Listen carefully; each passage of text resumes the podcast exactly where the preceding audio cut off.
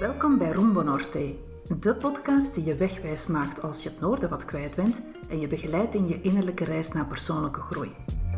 Ik ben Michelle Pus van Thrive Coaching en als selfcare, stress en burn-out coach leer ik je te ontdekken hoe je veerkrachtig door het leven kan gaan. Ik nodig je uit op een avontuur waar zelfzorg, zelfliefde en zelfleiderschap jouw ankerpunten zijn.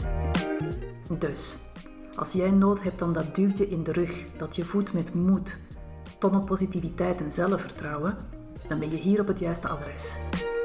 Sta open voor nieuwe inzichten, zelfreflectie en aha-momentjes terwijl je luistert naar Rumbo Norte.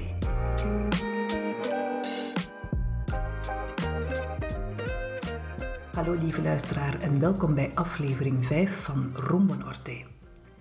In deze aflevering wil ik stilstaan bij de nummer 1 reden waarom zoveel mensen zelfzorg moeilijk vinden.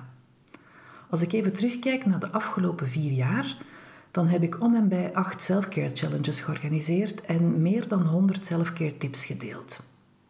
Bij elke challenge probeerde ik een nieuwe aanpak, steeds op zoek naar manieren om zelfzorg zo toegankelijk mogelijk te maken. En wat me opviel is dat deze topic bij heel wat mensen leeft, maar dat men het ook heel moeilijk vindt om in het dagelijkse leven te integreren. Zelf de meest eenvoudige tips blijken alsnog een opgave te zijn.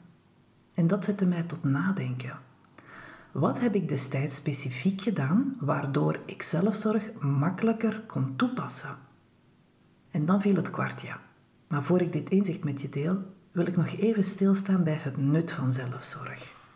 Zelfzorg heeft als functie dat je veerkrachtig door het leven kan gaan. Veerkrachtig zowel op fysiek niveau, maar ook mentaal en emotioneel.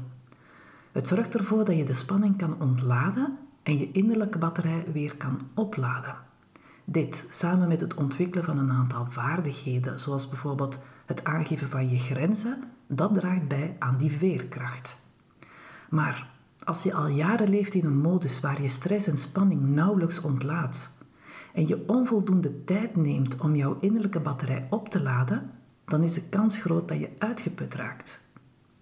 Een van die vormen van uitputting komen we steeds vaker tegen en dat zijn de burn-outs.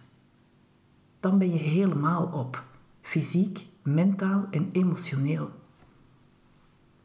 Van nature uit zijn we als mens veerkrachtig, vooral bij die ingrijpende situaties in het leven. Het vraagt wel wat tijd, maar we veren terug. Het is de alledaagse stress die veel harder doorweegt en hier is waar zelfzorg een enorme meerwaarde voor jou zal zijn.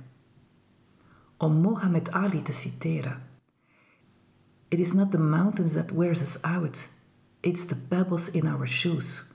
Vertaald: Het is niet de berg die ons onderuit haalt, het zijn de kiezelsteentjes in onze schoenen. En dit brengt me naar het inzicht.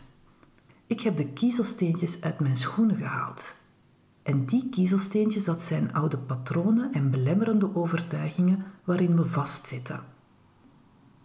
Onder die lagen van die oude patronen en belemmerende overtuigingen, aan de wortel, daar zit de enige echte nummer één reden waarom het zo moeilijk is om met zelfzorg aan de slag te gaan. En dat is een gebrek aan liefde, waardering en respect voor jezelf. Ik besef dat dit hard kan binnenkomen, maar soms is het noodzakelijk om de dingen uit te spreken zoals ze zijn. In your face, of in dit geval, in your ears. Als kind leren we op school heel wat dingen. Helaas leren omgaan met de stress van het dagelijkse leven, dat hoort daar niet bij. Dat is iets dat je dan gaandeweg zelf gaat mogen ontdekken. Wat ik nu met jou deel, dat zijn mijn eigen bevindingen, deels vanuit mijn eigen ervaring, maar ook een stukje wat ik zie en hoor bij anderen, waar ze tegenaan lopen of waar ze vast in zitten. Dit zijn enkele van de kiezelsteentjes die jij mogelijk ook in jouw schoentje hebt zitten. Kiezelsteen 1. Schuldgevoel. Dit gaat voor zoveel luisteraars bekend in de oren klinken en het kan zich ook in heel verschillende situaties voordoen. Zo kan je bijvoorbeeld je schuldig voelen bij het nemen van een pauze of wanneer je niets aan het doen bent. In mijn geval was dat eentje dat heel dominant aanwezig was. Als kind kreeg ik heel vaak te horen dat luie mensen niets doen. En uiteraard, als kind vind je het dan niet fijn dat men jou lui noemt. Vaak ging dat dan ook samen met uitspraken zoals je doet niet genoeg je best en er is geen tijd om te nietsen. Ook jaren nadat ik niet meer bij mijn ouders woonde, kon ik nog steeds dat riddeltje in mijn gedachten horen, waardoor ik het bijzonder lastig vond om wat tijd voor mezelf te nemen. En ik voelde mij schuldig als ik niets deed. Een andere vorm van schuldgevoel is dat we de mening hebben dat het egoïstisch is om aan jezelf te denken. En vaak komt dit ook vanuit de opvoeding, waarin men het als een deugd beschouwt om er voor anderen te zijn. Maar met je eigen welzijn bezig zijn, dat is pas egoïstisch. Echter, wanneer je echt voelt dat iets voor jezelf te mogen doen een meerwaarde heeft, dan ga je je al een stukje minder schuldig voelen. Nu, het kiezelsteentje van schuldgevoel, die gaan we nog vaker vandaag horen. Kiezelsteentje 2. Plichtsbewustzijn. Je kan plichtbewust zijn naar je collega's of werkgever toe, naar je gezin, familie of andere projecten waarvoor jij je inzet. Het is een mooie kwaliteit om zo geëngageerd te zijn, maar het kan een hele uitdaging zijn om hier een evenwicht in te bewaren. Vooral als jij makkelijk over je grenzen gaat.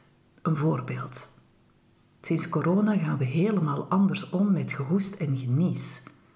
Maar hoe ging jij voorheen om met een verkoudheid? Ik was die collega die stevast naar het werk ging, ziek of niet. Mijn collega's en werkgever konden op mij rekenen. Het gebeurde wel vaker dat men zei: Je ziet er niet al te best uit, zou je niet beter naar huis gaan? En ik vond dat lastig om naar huis te gaan. Want mijn collega's rekenen immers op mij. En als ik er niet ben, dan moeten zij mijn taken overnemen en ze hebben al voldoende werk. Dus nee, naar huis gaan was niet echt voor mij een optie.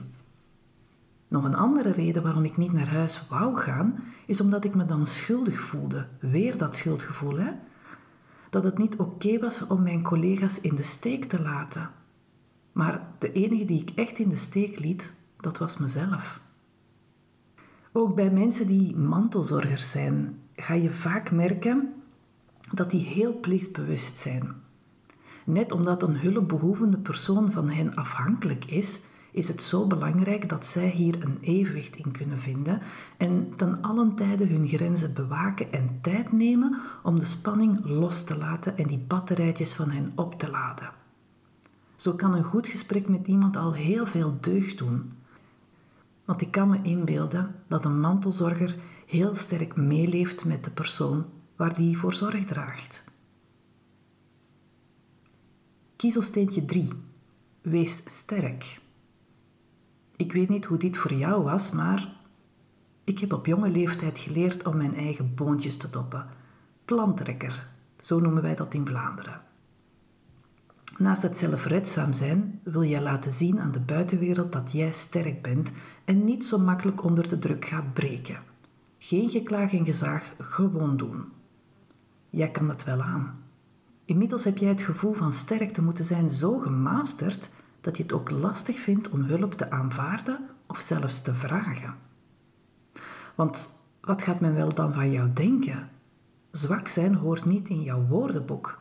Maar tegelijkertijd merk je ook dat die sterke mentaliteit met momenten voor jou te veel is. Onlangs zag ik een post op social media van een jonge alleenstaande mama die heel openlijk deelde dat het voor haar allemaal te zwaar was om er alleen voor te staan. En dat is begrijpelijk. Je kwetsbaar opstellen is helemaal niet zwak, in tegendeel. Het getuigt van heel veel moed om aan te geven waar jouw grens ligt. Ook al kunnen anderen daar een mening over hebben. De grootste uitdaging bij dit kiezelsteentje zal zijn om minder hooi op je vork te nemen en hulp in te schakelen als het voor jou te veel wordt, zowel op je werk als in de persoonlijke levenssfeer. Kiezelsteentje 4. Het onderwaarderen van je eigen welzijn en geluk. Je zet je steeds in voor anderen. Het welzijn en het geluk van een ander is belangrijker dan jouw eigen welzijn. En net zoals ik vroeger het moeilijk vond om thuis te blijven als ik ziek was, dan onderwaardeerde ik op dat moment mijn eigen welzijn en gezondheid. Mijn moeder is ook zo'n persoon die haar welzijn niet belangrijk vindt. Je krijgt dan vaak dit te horen dat als je iets voor haar doet of haar een cadeautje geeft van je had het niet moeten doen, voor mij hoeft dat niet. Of ook deze, waaraan heb ik dit verdiend? Een vriendelijk gebaar of een kleine attentie wordt dan beschouwd als een beloning voor iets dat men gedaan heeft. Maar het aanvaarden van deze attentie, ook al gaat het maar op een eenvoudig iets zoals een complimentje, dat wordt heel snel afgedaan. In heel wat gevallen ga je dit merken bij mensen die het lastig vinden om zichzelf op de eerste plaats te zetten. Kiezelsteentje 5. Te druk, geen tijd voor zelfzorg. Je wil niet weten hoeveel keer ik dit al gehoord heb. Ik heb daar geen tijd voor. Wat die persoon dan eigenlijk zegt is: ik heb geen tijd om mijn gezondheid, fysiek, mentaal en emotioneel, voorop te zetten. Dus eigenlijk een beetje het onderwaarderen van je eigen welzijn. Het is een hele evenwichtsoefening om een balans te vinden tussen tijd nemen en maken voor jezelf in combinatie met een veel eisende baan, een gezinsleven of een drukke sociale agenda. Dit zijn de mensen die zelfzorg steeds van hun lijst schrappen. Nu geen tijd hiervoor, zegt het dan, misschien een andere keer. Ooit vroeg een alleenstaande mama met drie kids me of ik haar kon helpen met de ballen in de lucht te houden. Hier heb je een combinatie van kiezelsteentje te druk met kiezelsteentje wees sterk. Mijn antwoord was: ik kan jou niet helpen met de ballen in de lucht te houden, maar kan jou wel leren hoe ermee om te gaan als ze op de grond vallen. Dat is die veerkracht, leren omgaan met de dingen van het leven die soms bijzonder pittig kunnen zijn. Eind oktober 2021 lanceer ik mijn eerste online traject Zelfzorg in 10 stappen. Het is een groepstraject waarin elke deelnemer op zoek gaat naar die kiezelsteentjes die in hun schoenen zitten. Maar we gaan ook leren van belemmerende overtuigingen met mildheid te counteren. Als je wil weten wat dit traject inhoudt, dan kan je je nu inschrijven op de wachtlijst. Dan krijg je als eerste alle informatie over dit traject en je kan ook genieten van een vroegboekkorting. Maar die is maar beperkt in tijd geldig. Na die tijd kan je nog steeds intekenen voor het traject, maar dan wel zonder de korting. Je hebt dus heel wat te winnen met je op die wachtlijst in te schrijven. De link hiervoor die ga je terugvinden bij de omschrijving van deze aflevering en ook op mijn website thrive-coaching.be bij de rubriek podcast. Om af te ronden wil ik nog een quote delen van Brianna Wiest. Het is een van mijn favoriete auteurs als het over zelfzorg gaat. En zij schreef dit: Self-care can be an unbeautiful thing. Wat ze daarmee bedoelt is dat naast geurkaarsjes, een bezoek aan een wellness of een lekker stukje taart met een kopje thee of koffie erbij, dat zelfzorg vooral gaat over het takkelen van het innerlijke werk. Dat zijn die zaken die je al heel lang voor je uitschuift en liefst van al niet onder ogen wil zien. En net daar ligt jouw sleutel om zelfzorg wel makkelijk te maken. Sinds het moment dat ik mij ben gaan verdiepen in zelfzorg, is het altijd mijn wens geweest om mijn kennis en inzicht met anderen delen.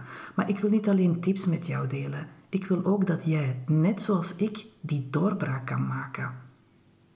Dit is waar ik blij van word. Mensen zien openbloeien, zichzelf te leren waarderen, oké te leren zijn met zichzelf. En dat is ook de spirit van Rombo Norte. Ik wens je nog een hele fijne dag en graag tot een volgende aflevering.